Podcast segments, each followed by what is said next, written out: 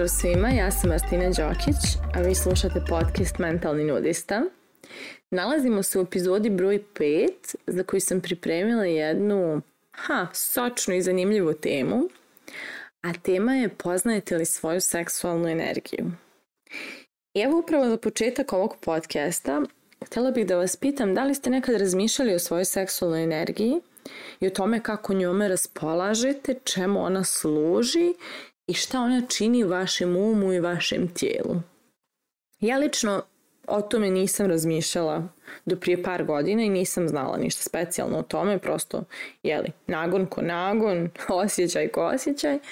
Međutim, prije par godina je jedna moja lična situacija mene natjerala da malo preispitam tu energiju ja sam počela da izučavam i da saznajem svašta zanimljivo o njoj, a onda i da eksperimentišem s njom kroz svoj lični primjer. Pa pre nego što ispričam to sve, ispričat ću šta sam zanimljivo o toj seksualnoj energiji otkrila. Naime, seksualna energija predstavlja jedan od najjačih stimulansa za naš um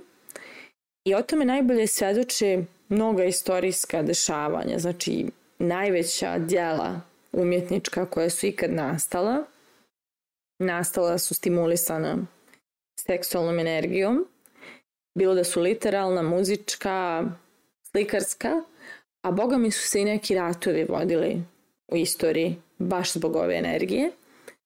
I ono što sam isto saznala je da je seksualna energija zapravo jednaka kreativnoj, odnosno da često seksualna energija može da se upotrebi u transformaciju, to je da se transformiše i pretvori u kreativnu energiju. I onda kada se svi prisjetimo nekog svog primjera kada smo osjećali jako seksualnu energiju prema nekome i sami znate koliko smo tada u stanju da budemo i maštoviti i proaktivni i kreativni i hrabri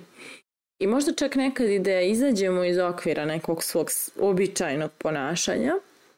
jer ta energija nas poprilično obuzme, a nekad zna i da pomuti um i krene da upravlja nama. I upravo uh, dolazak u 21. vijek i neke poslednje godine koje su dosta kreirale slobodno, slobodan seksualni izračaj, odnosno svi smo došli do toga da, da kažem, seks kao tema nije više toliki tabu, a boga mi je doš, došlo se i do toga da jedan klik čovjeka dijeli od mogućnosti da ima seks neometano. E upravo ovo doba skratilo je taj proces od stimulans, stimulsa koji osjećamo, znači kad nam se probudi taj seksualni nagon, do momenta kada se on, da kažem, ispuca u vidu seksualnog čina. A ranije, kroz istoriju, taj moment je duže trajao, odnosno do braka često. I onda upravo taj stimulans koji nije bio, ili stimuls kako se već pravilno kaže, koji nije bio ispucavan fizički, čovjeku je davao mogućnost da ga transformiše u nešto kreativno, proaktivno, u ideje, u djela, u postupke, u, u što šta drugo. I sad kako sam ja uopšte došla do svega ovoga i šta možda se desi kad mi ne transformišemo tu energiju, evo jednog mog primjera. Naime, ja sam neko ko je uvijek bio zaljubljive prirode i obično sam bila u vezama u kojima sam bila jako zaljubljena. I kada bih bila u vezi, a prilično sam imala, kažem, fine veze i super partnere, i kada sam bila u vezi, um, obično sam, da se tako diplomatski izrazim, voljela da provodim jako mnogo vremena sa mojim partnerom. I uh, ja sam tada u tim situacijama to, da kažem, smatrala kao kao posledicu zaljubljenosti. Prosto, jeli, zaljubljena sam i zato imam potrebe da budem jako mnogo sa svojim partnerom i nekako mi je to bilo logično i da kažem ljubav jeste bila jedan od motivatora da to tako funkcioniše, međutim postoji tu i neki drugi faktor koga ja nisam bila svjesna u tim periodima svojih ljubavnih odnosa. Da bi se prije par godina desila situacija u kojoj sam ja bila u jednom odnosu koji nije bio obojen ljubavlju, odnosno bio je striktno fizički, a ja sam i dalje osjećala snažnu potrebu da jako mnogo vremena provodim s tom osobom. I s obzirom da sam ja neko ko me, ok, seksi super stvar, volim ga, super sve, ali meni to nije dovoljno i ja sam neko ko voli dubokumne razgovore i humor i smijeh i planiranje zajedničkih ciljeva još to što je meni tu potrebno da, da bi to nešto meni bilo prava stvar. E upravo tada mi nije bilo jasno kako nešto što je puko fizički može toliko da bude važno i prioritetno u mom danu kada meni puka fizička stvar, odnosno obični fizički odnos nije nešto što je generalno ispunjavajuća stvar u životu. I tada sam se stvarno zapitala šta je to što mene toliko vozi da meni glavni fokus u danu bude susret sa tom osobom, a ne gomilu drugih stvari poput, ne znam, mojih ciljeva, mojih nekih drugih ambicija i stvari koje mene zapravo čine srećnom i ispunjenom. I tada sam počela da izučavam seksualnu energiju i da saznajem da je to jedna od najmoćnijih energija sveta i zapravo to i životna energija i kreativna energija. Znači, znači osobe koje su i veliki stvaraoci i koji su napravili neka velika djela, uglavnom su imali jako seksualnu energiju koji su naravno znali da transformišu u kreativnu. Jer šta se dešava? Kada tu energiju ne transformišemo, ona počne nas da vozi i da upravlja našim umom i našim tijelom i kada je ispucavamo samo na fizičkom nivou, mi se zapravo umjesto da budemo stimulisani i koristimo svoje talente koji stoje u nama i seksualna energija ih stimuliše da se pokrenu, mi je ispucavamo i spuštamo se na nivo životinje umjesto da se dignemo na nivo genija. Mi je to bila jako zanimljiva teorija i odlučila sam da s njom eksperimentišem. Kako?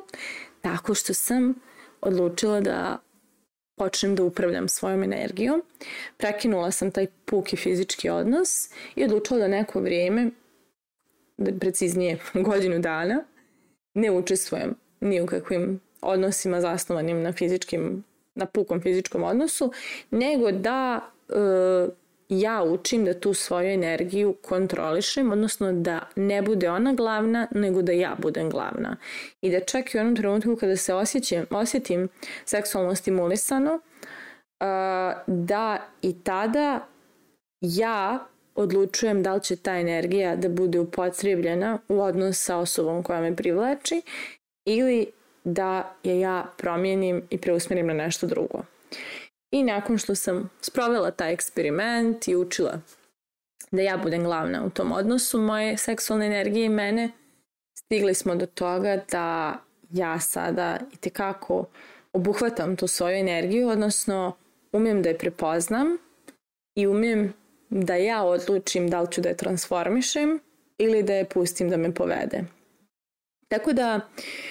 Meni je bio jako zanimljiv proces i zaista jednom kada osvijestite tu svoju energiju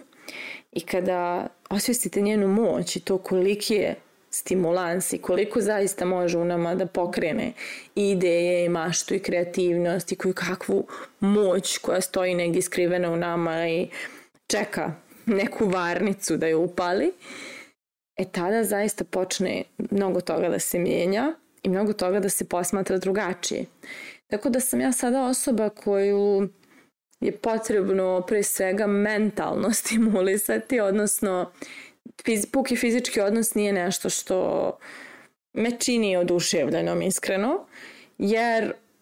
ta energija koju nosim u sebi može da kreira čuda, može da se umnoži, može da stvori mnogo toga i onda ne želim da ispucavam na obične fizičke stvari koje ne donose još nešto meni i mom životu. I to je, kažem, moja odluka bila. I onda što je jako zanimljivo, uh,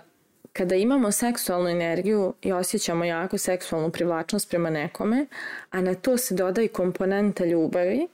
tada fizički odnos više nije pražnjenje, nego emotivno punjenje koje razvija još veći stimulans odnosno donosi do još više pokreta i u našem umu i u našoj kreativnosti, a boga mi i u našim emocijama. Tako da Ono što želim da vas pitam za kraj ove epizode jeste da li vi upravljate svojom seksualnom energijom ili ona upravlja vama. Mislite o tome, a mi se družimo u narednoj epizodi.